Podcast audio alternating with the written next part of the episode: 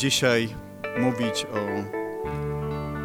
pięćdziesiątnicy, ale w tym tygodniu osoby zaprzyjaźnione e, z naszą społecznością przeżyły wielki smutek. I tak w poniedziałek zmarł e, brat Maćka, który e, tutaj też przychodzi, a w piątek zmarła mama Łukasza. I były to dwie zupełnie inne, dwie zupełnie różne osoby.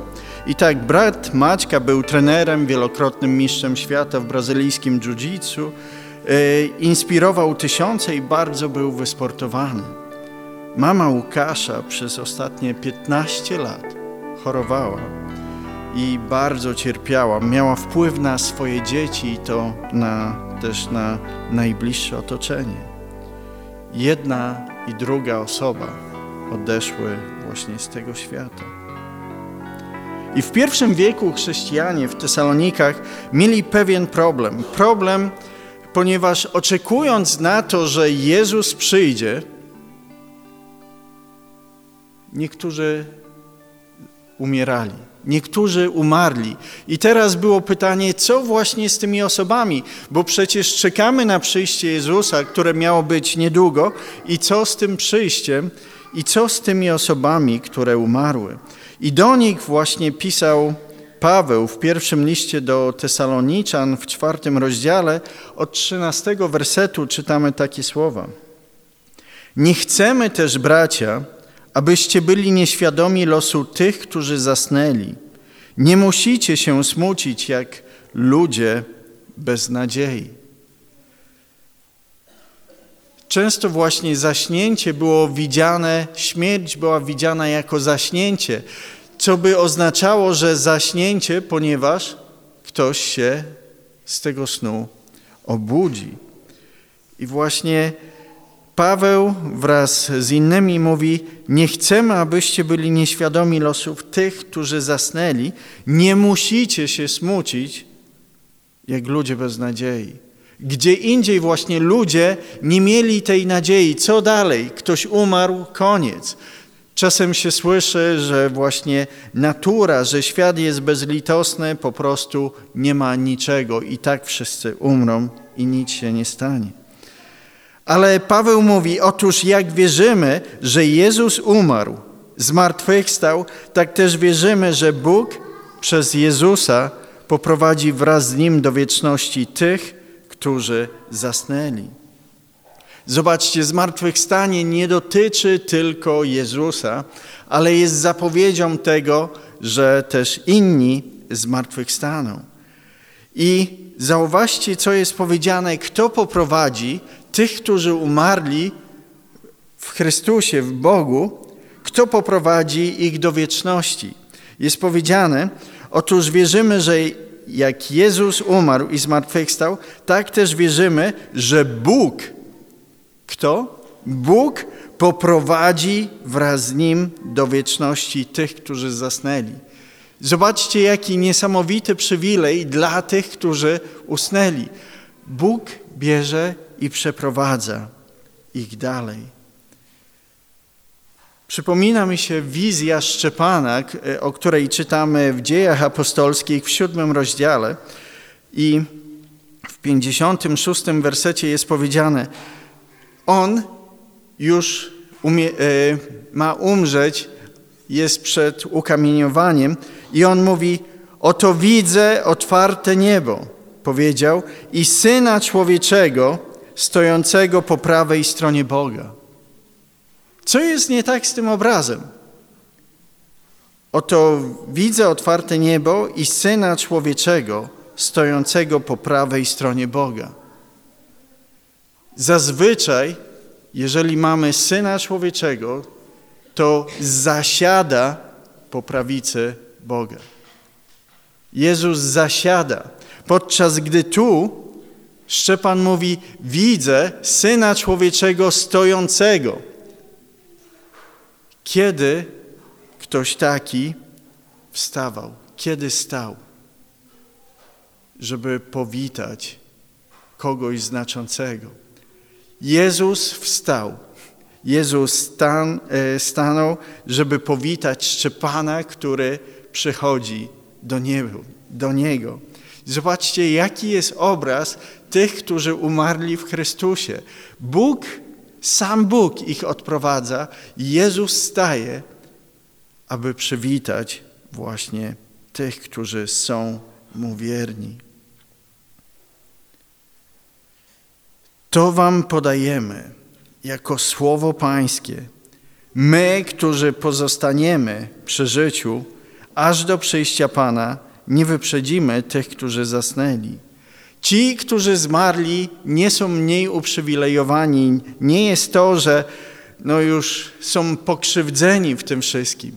Nie. Oni nie będą ostatnimi. Ci, którzy zmarli, a zaufali Jezusowi, nie będą pokrzywdzeni. I to jest powiedziane jako słowo Pańskie. My, którzy pozostaniemy przy życiu aż do przyjścia Pana, ci, którzy będą żyli za przyjścia Jezusa, nie wyprzedzą tych, którzy zmarli.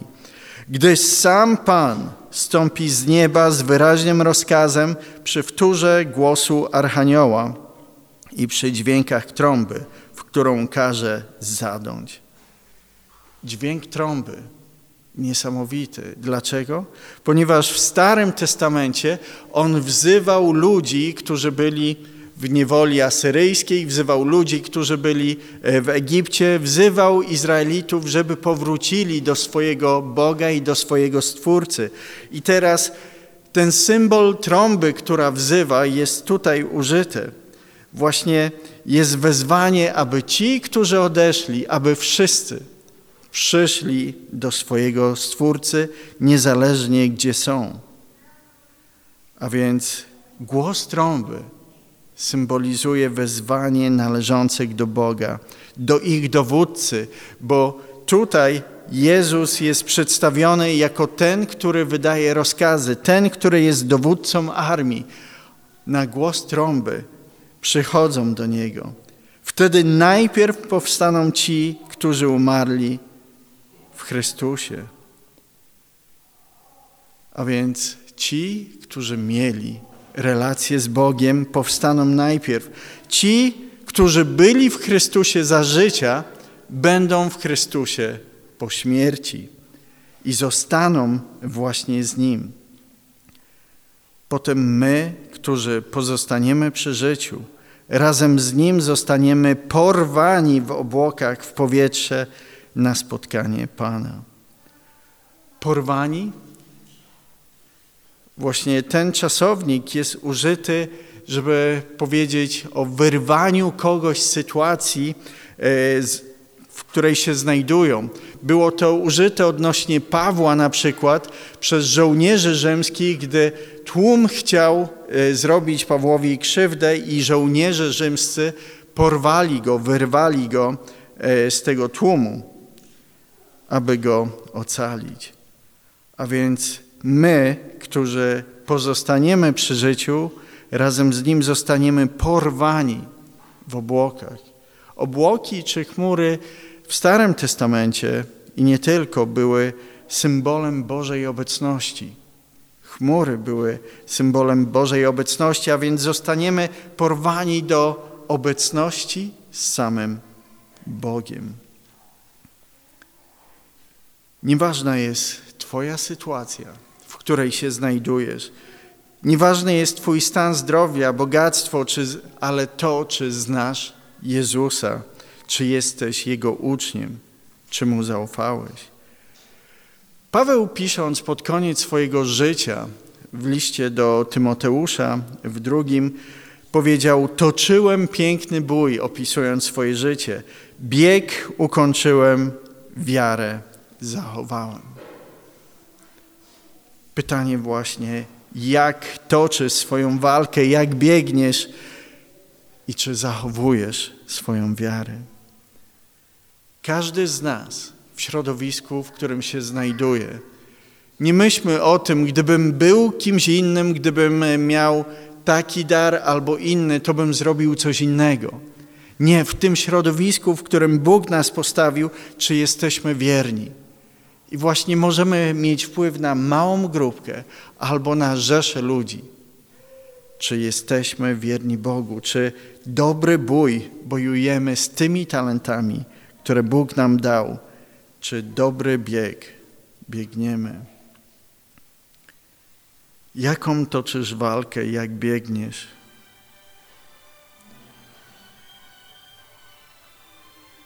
Biegnijmy tak, jakbyśmy biegli po tą nagrodę. A gdy już bieg dokończymy, tak jak widział to Szczepan, oto widzę otwarte niebo. I kto? Sam Jezus stoi, aby przywitać. I wita nas i mówi: Wspaniale, dobry i wierny sługo. Okazałeś się wierny w paru sprawach. Teraz postawię Cię nad e, wieloma. Wejdź, wesel się razem ze mną. Właśnie to jest to zaproszenie do wiecznej radości, do czegoś niesamowitego. Tak, byłeś wierny w tym, co miałeś. Być może miałeś niewiele, byłeś w tym wierny. I to jest niesamowite. Miałeś wiele, byłeś w tym wierny i to też jest niesamowite. I wejdź do radości, do szczęścia, jakiego nie znałeś czy nie znałaś i jakie jest właśnie niesamowite. I kto poprowadzi nas tam według tego fragmentu? Sam Bóg. To jest niesamowite. Jezus wita nas i sam Bóg prowadzi nas do radości, do niesamowitej radości. Dlatego Paweł kończy ten fragment mówiąc: I tak już na zawsze z nim pozostaniemy. Tymi słowami dodawajcie sobie potuchy, e, otuchy. Nic dziwnego, skoro na zawsze już będziemy w tym szczęściu, skoro e, ci, którzy zaufali Jezusowi, będą z Nim na zawsze, będą niesamowicie szczęśliwi, to aż chce się tam iść. Chce się spotkać Jezusa, który przywita nas i chce się być odprowadzonym przez samego Boga. Pytanie, czy zaufałeś, czy zaufałaś Jezusowi odnośnie swojego życia? I właśnie, czy taka przyszłość czeka Ciebie? Dlatego Paweł mówi: Nie chcę, żebyście, nie chcemy, bracia, abyście byli nieświadomi losu tych, którzy zasnęli.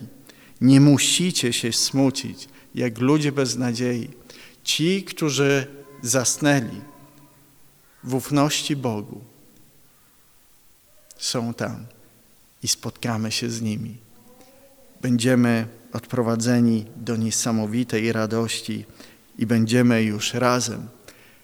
Dobry bój bojowałem, biegu dokonałem, wiarę zachowałem.